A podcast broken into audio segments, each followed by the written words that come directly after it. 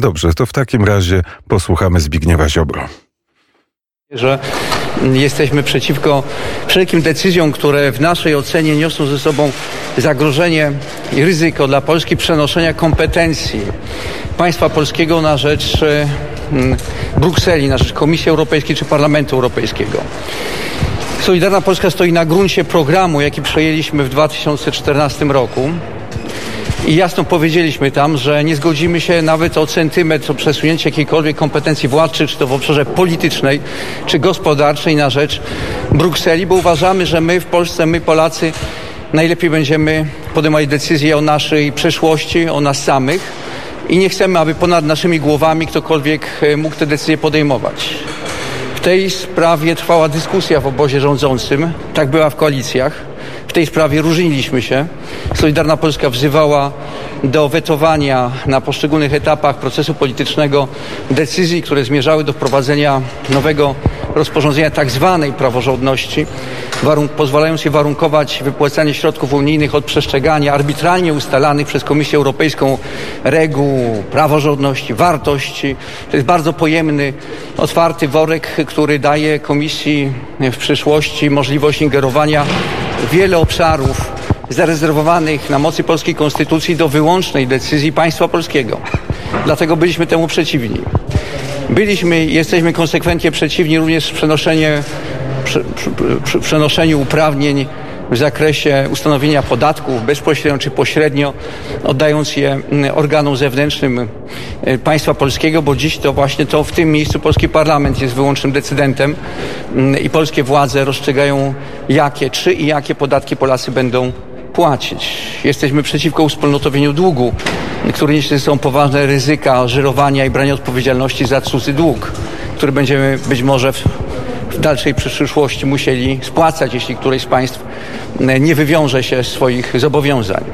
Jesteśmy przeciwni konsekwentnie polityce klimatycznej Unii Europejskiej, która prowadzi do konieczności bardzo przyspieszonych w niezwykle krótkim okresie czasu zmian w polskiej energetyce, które będą najbardziej kosztowne dla polskich obywateli, dla polskiej gospodarki, bo żaden kraj w Unii Europejskiej nie jest tak mocno uzależniony od energetyki węglowej jak Polska, o tym wiemy.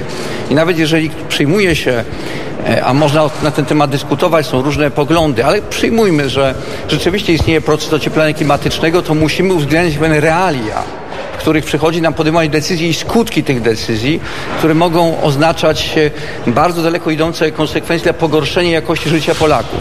I to jest dla nas zawsze pierwszym wskazaniem i zobowiązaniem, aby o interesie Polaków, e, jakości ich życia, interesie polskich przedsiębiorców myśleć.